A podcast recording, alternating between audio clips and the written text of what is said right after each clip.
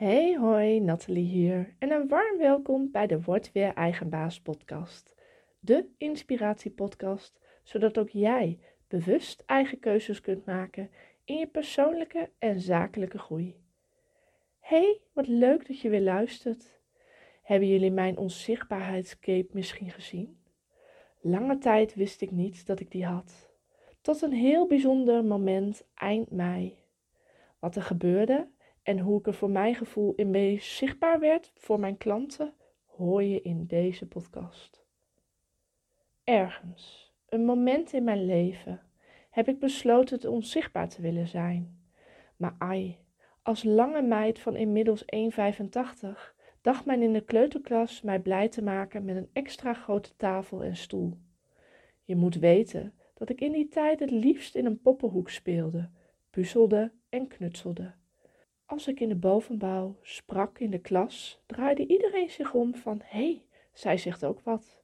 Natuurlijk zal het vast niet zo dramatisch zijn als dat ik het nu laat klinken, maar zo zijn mijn actieve herinneringen. Iedereen wil in zijn of haar leven wel eens onzichtbaar zijn. De een als goochelaar of superheld en de andere uit schaamte of de intensiteit van de situatie even niet kunnen dragen. Dat laatste was wellicht bij mij het geval. En wat een mooi mechanisme is het eigenlijk. Fight, fly en freeze modus. Ik heb de verschillende situaties meegemaakt. Het irritante aan inzichten is dat je er achteraf heel helder ziet en begrijpt, of in elk geval het voor je kan stellen, waarom je in bepaalde situaties zo gehandeld hebt, waarom je reageerde zoals je hebt gereageerd. In deze podcast neem ik jullie mee in een aantal inzichten die mij de afgelopen tijd zijn opgevallen bij mezelf. Hiermee hoop ik dat ook jij wat milder naar jezelf kan zijn in de huidige situatie. Zelfs al is die nog e- niet altijd zoals jij wenst. Laten we samen in een aantal stappen eens kijken wat ik ontdekte en of dit ook voor jou helderheid biedt. Een lichtpuntje of misschien wel een concrete actiestap. Dit zou ik natuurlijk erg leuk vinden om te horen. Dus ik wil ook dat je weet dat je altijd mij een pb kan sturen op social media. Ik ben actief op LinkedIn onder mijn eigen naam Nathalie Sulman. En ook kun je me vinden op Facebook. Liever een mailtje sturen? Ook dat kan.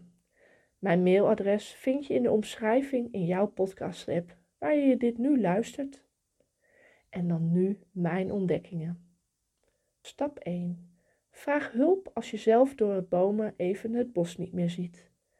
Zelfs ik als coach heb hulp en coaching. Eind mei mocht ik zelf een wandelcoach-sessie ondergaan. Ik deelde er in het kort al iets over in de vorige podcast, maar het was nog te vers om de heldere stappen ook voor jullie helder te verwoorden. En weet je, ik maak zulke toffe ontwikkelingen mee dat ik soms zelf struikel over mijn eigen enthousiasme en woorden. Dat brengt me eigenlijk meteen bij stap 2. Het kan en hoeft niet allemaal tegelijk. Neem je tijd. Neem je eigen tijd. Haal een keer diep adem. Gut, dat zou ik zelf bijna vergeten. Oké, even een slokje water en dan neem ik jullie mee in wat er gebeurde. Ik koos een mooi plekje aan de rand van het bos.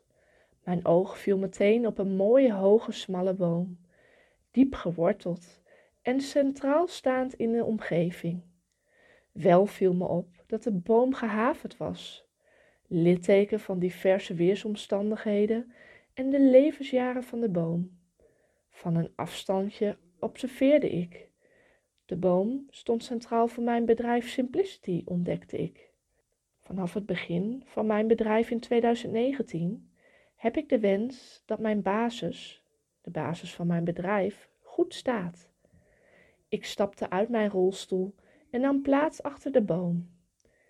Ik sta namelijk voor 100% achter mijn bedrijf. Daar staand dacht ik: shit, nu ziet niemand me. Ik verstop me. Mensen zien mijn mooie bedrijf Simplicity, coaching naar kansen, weten dat Nathalie Sulma erbij hoort want de woorden: Ik neem ontslag van chronisch ziek zijn en heb mijn eigen bedrijf, spreken maar weinig mensen met zoveel gevoel, overtuigingskracht en inspiratie uit, krijg ik te horen. Maar weet men echt wie het gezicht achter Simplicity is? Naar welke kansen ik coach? En nog belangrijker, wat heb jij als luisteraar hieraan? Stap 3. Elke stap brengt helderheid. Je hoeft niet de complete puzzel van duizend stukjes al helder te hebben of dit te verwoorden. Laat ik het even bij de puzzelmetafoor houden, om dit toe te lichten. Allemaal hebben we onze eigen puzzel. En zoals ik al vertelde, hield ik in de kleuterklas al van puzzelen. Zelfs de moeilijkste stukjes lukten uiteindelijk toch. Geduld, observeren en doorzettingsvermogen zijn mijn eigenschappen die daar goed bij van pas komen. Maar ik ontdekte iets. Een puzzel begin je altijd bij de hoekjes en de randjes. Althans, dat is wat iedereen mij altijd verteld heeft. Begin jij ook bij de randjes? Of doe je net als ik de delen die je al ziet? Makkelijk en er ontstaat meteen al iets. Laten we die kleine, op zichzelf staande eilandjes eens zien als mijn levensverhaal.